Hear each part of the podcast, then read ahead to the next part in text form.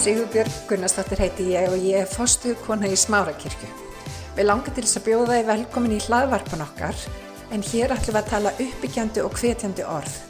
Ég vona svo sannlega að þetta blessi þig og hveti þið áfram til að gera góða hluti í lífinu. Og mjög margir kannski átti ekkert vona því að komast á okkur, á okkur stöðu sem þeir áttu kannski ekkert endilega eða voru ekki búin að kannski búast við á þessum tímapunkti í þeirra lífi. Það býr til pyrring, það getur líka búið til gremju og það getur búið til óþægilega tilfinningar í lífin fólk sem það veit ekki hvað þá að gera með. En við vitum það að þeir sem að til er að drotni, þeir eiga eiga frið sem er aðri öllum kringumstæðum.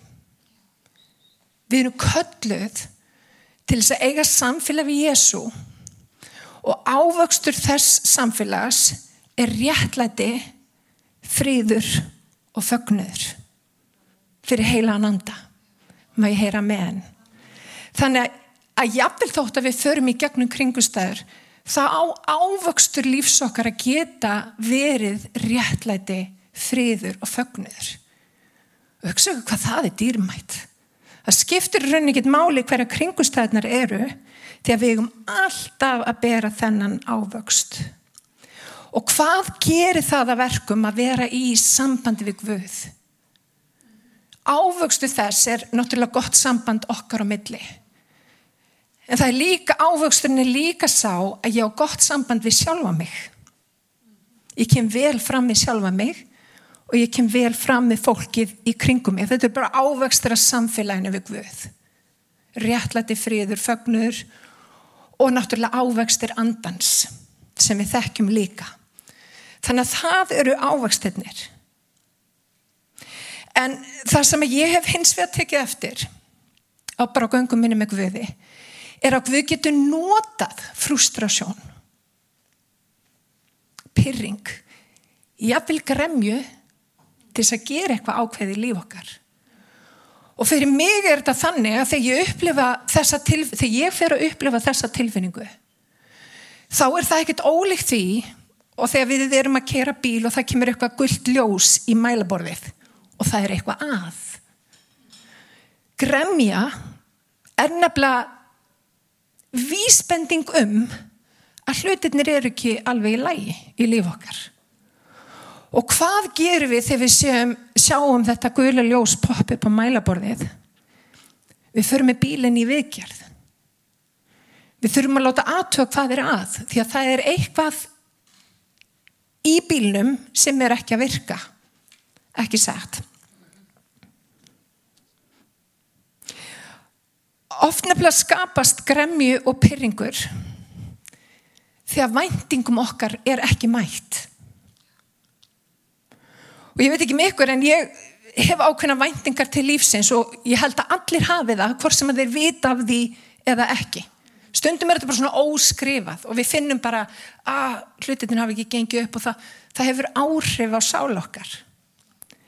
Ég til dæmis mann eftir því þegar ég var færtug að þá hérna þá fór ég rosalega mikið að hugsa býtu, er ég á þeim stað sem ég vildi vera í lífinu? Og þegar ég hafði undir niðri einhverja ákveðna væntingar Og ég er svona leiti við farin við og hugsa, já, að ákveðin hátt er ég það og öðrum er ég ekki alveg kannski nákvæmlega á þeim stað sem ég myndi vilja vera. Væntingar. Og vinni, væntingar eru þannig að ef þeim er ekki mætt, að þá kemur eitthvað í líf okkar sem heitir óþól og jafnvel pyrringur. Hvað gerum við þegar við upplifum það? Og ég held ofta tíðum, jáfnvel sem kristi fólk, þá leitum við langt yfir skamt. Það sem við eigum að gera er að fara í rítningarnar og sjá hvað bók bókana hefur fram að færa. Og við eigum að leita visku ekki þarna heldur í bók bókana. Við eigum að fara í biblíuna og við eigum að finna svörin sem við þurfum í uppsprettunni. Því öll svör við öllum kringustamir, alveg sama hvaða er, hún er að finna, öll svör er að finna í bókinni. Og ég man, lengi vel fram eftir aldrei, þá leitaði ég oft í eitthvað allt annað. Og það var ekki fyrir nákvæmni tímapunkti sem ég fekk bara raunverulega djúpa ofinberun að það er biblían sem að kemur svarið inn í líf okkar. Það er ekki nóg að vera bara heyrandi, við þurfum að vera gerandi. Við þurfum að gera það sem að orgfuð segir. Og ef við speglum okkur í bók bókana, þá kemur visk okkar þaðan líka. Eh, þessi frásögn um Samuel er eina af þessum frásögnum sem við getum svo sannarlega lært af. Samuel var spámaður á þessum tíma, öflugur spámaður Guðs, en hann var líka dómari. Og á þessum tíma þá voru Ísraelsmenn uh, stjórnað af dómurum og dómarar voru ekki eins og þeir eru í dag þetta var öðruvísi konsept, þeir voru andleir leitóar og pólitíski leitóar svona sambland af því. Og þeir uh, ráðfærðu sig við Guð um hvert þau ætti að fara með líðin og svo framis, hvernig ætti að stjórna. Og þetta var góður tími í sögu Ísæls En rétt eins og við þá voru Ísæðismenn að horfa í kringu sig og við gerum það oft. Við erum ofta að meta okkur við ykkur aðra og þau hafa þetta svona, ég vil þetta líka og, og svo frammeins. Og, og það er það sem Ísæðismenn gerðu. Þau fóru að horfa út fyrir sig til þess að fá svar við spurningu sem að hafði með þau að gera. Og þau hafa þetta að leita inn á við og leita guðs. Og þeir horfðu út af við og hugsaðu uppið en það eru allir þarna úti með konung? Af hver ekki við? Og Guð sagði við á nei ég hef ákvarðað þetta að vera svona. Þetta er að virka fyrir ykkur að hafa þessa dómari sem varða veginn og svo framvegs og þeir letu sér ekki segjast eins og svo ofta áður. Þeir letu sér ekki segjast og þeir vildu ennþá fá konung til þess að ríkja yfir þeim. Og Guð sagði nei Og það breytti engu fyrir Ísæls menn, þeir tók ekki leiðsögn eins og við ofta tíum gerum ekki heldur. Og þeir vildu áfram frá konung. Og Guð ákvað að segja já. Af hverju? Því að stundum, vinnir, stundum þau fyrir mig gegnum lífið, þá tökum við ekki leiðsögn. Það er bara þannig. Stundum þarf Guð að leið okkur í kringumstæður sem að kenna okkur. Og það er nákvæmlega það sem að gerðist á þessum tíma í þessari frásögn. Líðurinn sóttist eftir að fá sál sem konung. Sál var starri en aðri menn og var mikill leiðtói svona á að líta. Flottur, kunnita, Veist, hafði þessa leiðtói hæfileika hvað sem það kann að vera. En þeir völdu hann því að hann hafði svona yfirbræð leitóan sem þau vildu. Og hann stóð sér frábærlega til að byrja með. En svo hrókaðist hann upp. Og það er nefnilega stundum þannig vinnir að þegar fólk hrókast upp auðmjúkum veitir að náð kennir rétningin. Það er einhver leikil við það að vera auðmjúkur fram með fyrir guði Þess vegna getur oft séð ef að fólki til dæmis að, að jafna sig á alkoholisma og annars líkt, ef það er ekki auðmygt þá er það á fallbraut.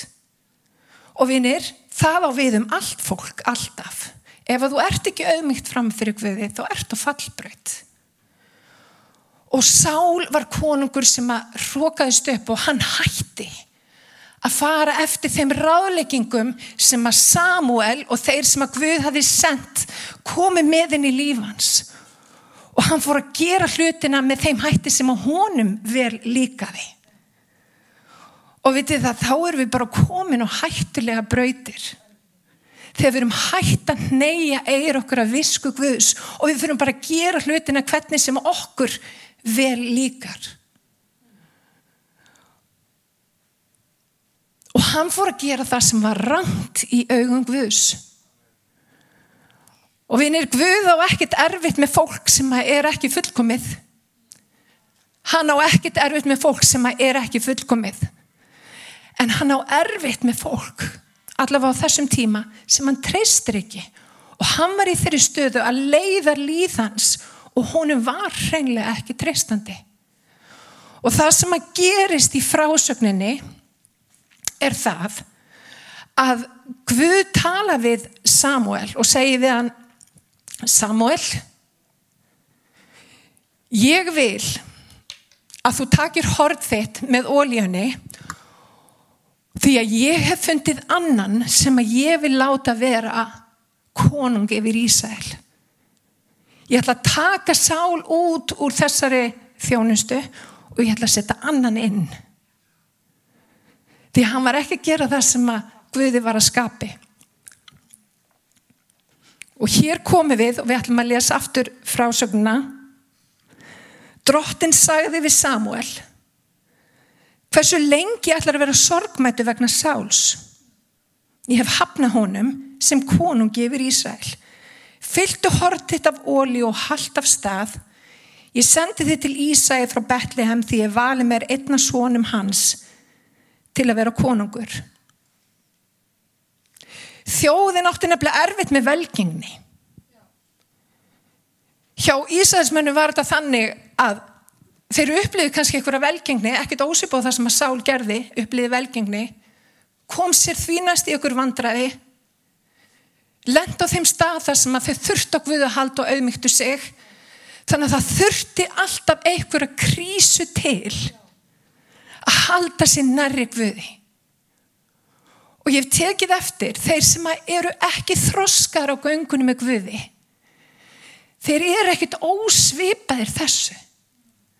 Og þannig eigum við ekki að vera vinnir við eigum að bera ávöxt alltaf og Guð á að geta treyst okkur fyrir uh, allri þeirri blessun og velvild sem að hann hefur fram að færa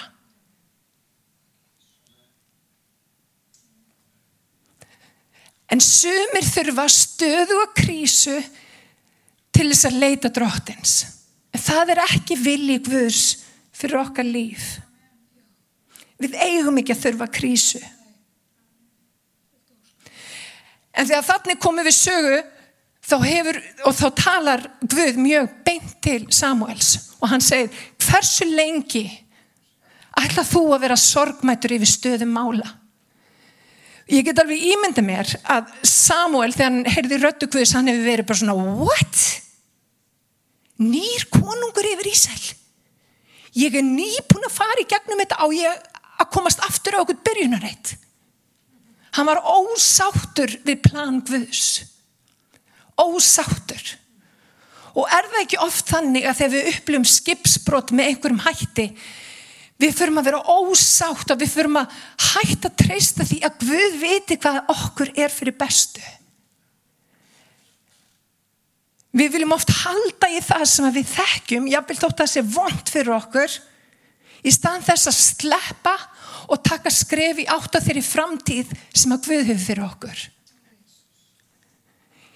Í þessari sögu er sál tákmynd upp á fortið okkar. Davíð er tákmynd upp á framtíð okkar. Og því sem þekki söguna vitið að Davíð var góður konungur yfir Ísæl hann var ekki fullkominn en hann gerði það sem rétt var í augum Guðs. Hann auðmygti sig. Hann rókaðist ekki upp og hann leitaði alltaf drottins í öllu því sem hann tók sig fyrir hendur Þannig að þessum tíma þá þurftu Samuel að taka ákverðun. Ég þarf að sleppa þessu gamla til þess að fara í hús Ísæi til þess að höndla þetta nýja. Og vinir, drottin segir við okkur, hættu að vera sorgmætur, hættu að falast eftir því sem að ég er þegar búin að hafna eða er búið í þínu lífi. Af hverju þurfum að gera það? Til þess að geta höndla þetta nýja sem að Guð hefur fyrir okkur. Og vinni, ég, hef oft undrast þegar fólk svona, viðst, hefur þessa ungdóms, þið veitir, dýrkun sem er í gangi. Ég myndi aldrei vilja vera yngri. Ég bara, mér líður bara alveg ótrúlega vel ákvörðat núna, af hverju? Því ég er reynslunni ríkari. Ég er önnur en ég var fyrir tíu árum. Og vinnir, ég myndi aldrei vilja fara tilbaka og vera aftur hérna tvítug eða þrítug. Því að Guð hefur gert verk í mínu lífi sem hefur komið í gegnum reynsluna. Og vinnir, ef ég ætla að halda í sál, þá höndla ég aldrei Davíð. Og vinnir, Davíð er tákmynd upp á framtíð okkar. Og vinnir, til þess að höndla Davíð, þá er þetta hætta að reyna að reysa upp sál í lífið þínu. Þú þarfst að sleppa sál. Og þú þarfst að treysta því að allir hlutir muni samverka þér til góðs. Að hann sem hefur hafið í þér góða verkið mun og fullkomna það. Allt er dags í Jésu Krist. Má ég heyra amen og vinnir ég held að við stöndum frammi fyrir tímabili þar sem við þurfum að fara að taka ákverðun hann tók ólíu hann tók horn fullt af ólíu og við vitum hvað ólían er tákmynd upp á. Hún er tákmynd upp á heilagan anda. Hún er tákmynd upp á heilagan anda. Og við vitum það að Kristur er ekki setnanabn Jésu. Margir haldi að hann hafi heitið Jésu Kristur. Kristur þýðir hinn smörði. Og vinnir, þegar hann fór til í heimna þá sann, ég mun senda ykkur þennan anda sem er leið ykkur í allan sannleikan. Ég mun gefa ykkur allt sem þarf til svona árangri í þessum lífi. Og vitið það, andin býr innra með þér og hann býr innra með mér. En það sem við gerum oft við óljuna, við förum aftur að reyna að reysa við sál. Og sér bara þú mannst þetta var svo frábær tími, 2000-2005. Nota svona eitthvað dæmi. og við ætlum bara að reyna að, að upplifa það aftur. nákvæmlega það er nefnilega ekki út af það sem að Guð segir í orði síni við erum að gleima því sem baki er. Og við erum að seilast eftir því sem framöndan er. Og það að gleima þýðir ekki bara ó ég man ekki neitt sem gerðist hérna fyrir aftur mig. Það þýðir að búa ekki á þeim stað. Hlustið á málmitt út af ég tel að þetta hafi erindi við okkur öll og mig ekki síðst Við eigum ekki að búa á þeim stað. Við eigum að taka óli okkar og við eigum að seilast eftir því sem að Guð er að gera í dag. Davíð er nefnilega tákmynd upp á framtíð okkar. Þegar við erum orðin, þið vitið, sjóð. Þegar við erum orðin með visku, ég ætla að segja fulla visku, það stundum vantar svolítið upp á það. En við erum allavega með visku. Við erum með skilling sem við höfum ekki áður við höfum, við höfum allavega þá við sko að beigja okkur fyrir Guði. Og við erum ekki ólíunni með því að fara tilbaka og reyna að reysa eitthvað við sem á ekki vera reist við. Gerum eins og spámarin gerði forðum daga Guð sagði farði hús í seg og hvað gerði Samuel hann tók sig upp tók ákvörðin að hætta verið í fílu það er góð ákvörðin vinnir það er alltaf góð ákvörðin að hætta í fílu hætta streytast gegn því sem að Guð er að gera í dag. Hann tók sér upp fór í hús í sig og vissi nákvæmlega hvað hann átt að gera. Nei. En það er það þannig með göngunum með Guði. Í því fælst trúin. Við fáum einhver plan og Guð segir farðu þangað. En svo þurfum við að stíga út í trúvinir og gera það sem hann hefur sagt. Og það sem gerist ef við heyrum frá Guði og við leifum þessum heilaga anda að stýra göngu okkar við fáum upplýsingar við finnum. Ég veit ekki með ykkur en ég finn. Ég finn þegar hlutinir er ekki í lægi ég finn þegar Guð er, Guð er að leiða með eitthvað. Af hverju? Út af því ég hef stilt inn á andan og ég er alltaf kannski Vist, ég hef alls ekki alltaf gert það en ég finna ég er næmari fyrir andanu núna en ég hef verið nokkru sinna áður og aftur þetta kemur með reynslu þetta kemur því að þekkja röttu Guðs Og hvernig getum við þekkt rödu Guðs ef við eigum ekki samfélag við hann? Það snýst um samfélag. Hann fer í hús Ísægi, tekur smörningu sína og smýr Davíð til konungs yfir Ísæl. Og við tók blessaður, magnaður tími í sögu Ísæls. Við ofta tíðum viljum ekki sleppa. Ástæðan fyrir því að við til að mynda veljum nýlög. Megniðað lögunum sem við erum að syngja eru nýlög af hverju. Og ég fengi þessa fyrirspurn áður. Út af því að lög hafa áhrif á tilfinningar okkar. Ég get heyrt lag og ég get farið 30 ára aftur í tíman eða 20 ár. Ég er náttúrulega bara 25. Ég get farið alveg 20 ára aftur í tíma og ég get upplega að byrja hvar ég var, þið vitið, hvað tilfinning átti sér stað. Hver ég var, ég var skotin í þarna, eða skilji, ég var alltaf verið skotin í alla náttúrulega. En svona þegar ég var mjög ung, ég, ég get farið aftur í tíma og það er það sem að tónlist gerir. Hún getur tekið mann á staði og annars líkt. Þess vegna er mikilvægt að við veljum hvað við erum að hlusta á. Að við séum ekki först í fortið okkar heldur að við sem spennt fyrir nútíð og framtíð má ég heyra með henn þegar ég er allavega þannig og ég, veist, þetta er bara frá mér ef ég er að hlusta tónlist þá get ég alveg bara muna vá, þarna með leið svona við vorum að gera þetta, þetta var í gangi og, og auðvitað er allt í lægi að rifja upp góða tíma. En það er ekki lægi að búa þar. Það er 2020 og ég hef góða fyrir eftir að færa. Hann hefur nýtt fyrir stafni. Hann er að gera nýja hluti. Hann er að nota nýja tækni. Ég minna það er fullt af fólki sem við náum til bara með nýri tækni og drottin er að starfa með alveg einstökum hætti í dagvinnir og við förum á misviða ef við erum alltaf að reyna að reysa við sál. Má ég heyra með? Af hverju skiptir þetta máli? Og mér langar að gefa ykkur þrjá punta af hverju þetta skiptir máli.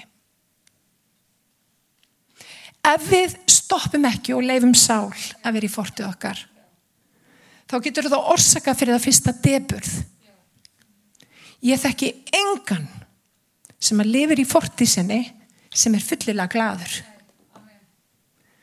fólk er að endur skapa eitthvað sem gerðist fyrir 20-30 áru síðan. Það er engin gladur það getur orsaka deburð í okkar lífi. Og það er ekki viljið Guðs fyrir okkar líf því að það er réttlæti það er fríður og fögnur í heilugum anda það er líf okkar, það er gang okkar. Númið tvö. Þú tekur ekki á fulli þátt. Vá hvað ég séð þetta oft. Ég sé þetta líka í samböndum þegar fólk hefur orðið sárt. Það hefur orðið fyrir uh, hjartasári. Þá ferða ekki inn í nýtt samband nema með miklum fyrirförum. En Guð vil að við gefum okkur heilsugar í það sem hann er að gera. Við erum heilsugar eins og við höfum aldrei verið særið. Og mjög margir í hennu kristna heimi hafa verið særðir. En Guð er að segja, herðu, treystu mér. Davíð er betri en sál. Kondu með mér í ferðalag. Kondu með mér í ferðalag. Og vinir, ef við búum í fortíðinni þá gefum við okkur ekki heilsugar og það er aðkallandi að fólk viðs gefið sér heilsugar til að byggja upp ríki hans maður heyra með hann og nummið þrjú sem að líka beinast við við missum af þeirri velvild sem að við höfum beint fyrir framann okkur. Tökum ekki eftir tækifærin sem við höfum fyrir okkur. Og ég er að segja okkur tækifærin eru mjög mörg. En við tökum ekki einu svona eftir þeim ef við erum först í fortið okkar. Og vinni það er svo mikilvægt að taka reynsluna frá fortíðin en halda áfram reynslunni ríkari gefast Guði heilsugar vera gladur og ánað með það sem að Guð er að gera í dag og taka heilsuga þátt í því vinnir Guð er að kalla þig Guð er að kalla mig að segja bless við sál. Taka óli okkar og nýta hana fyrir framtíðina. Má ég heyra með hann? Þannig ég vona að þetta hafi skilað einhverju til ykkur í dag. Því að ég held þetta sem mikilvægt. Ég held þetta sem mikilvægt. Í Jésu nafni, rísum að fætur.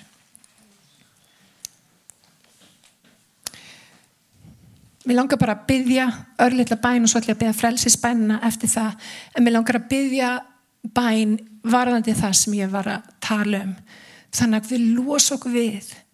Að við lækni sár og annað slikt sem að þarf að lækna til þess að við getum haldið áfram á göngunum með honum. Drottin ég bara þakka þér. Ég þakka þér að þú ert með frábært plan.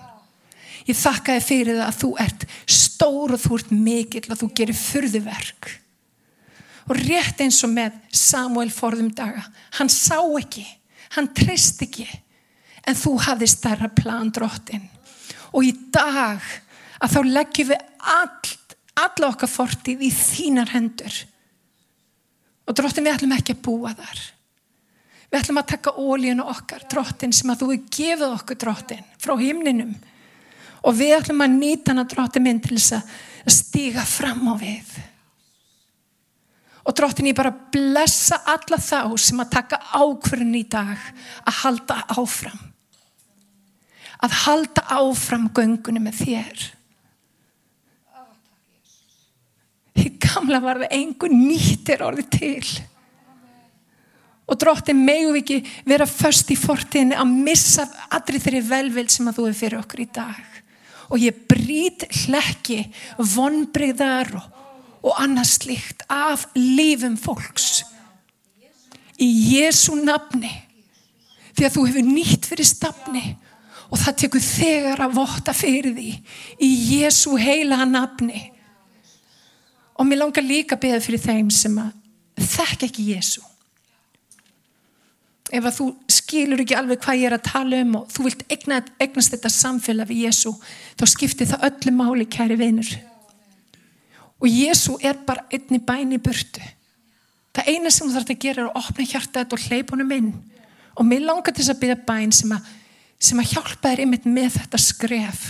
Og bæninu svona ég byggja okkur um að byggja upp eftir mér. Kæri Jésús ég byggja um að koma í hjarta mitt í dag ég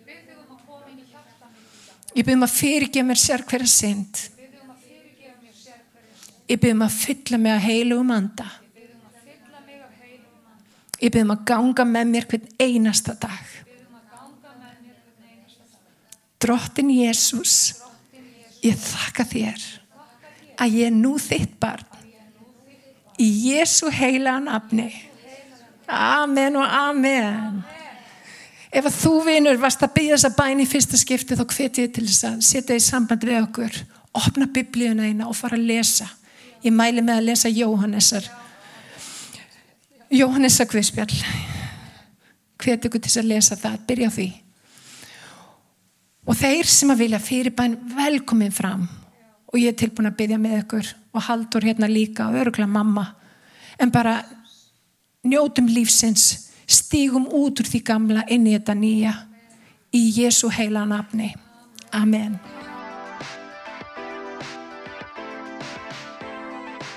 hveti til þess að stilla inn á okkur með reglum hætti því að hér verður alltaf eitthvað nýtt á nálinni. Takk fyrir að hlusta.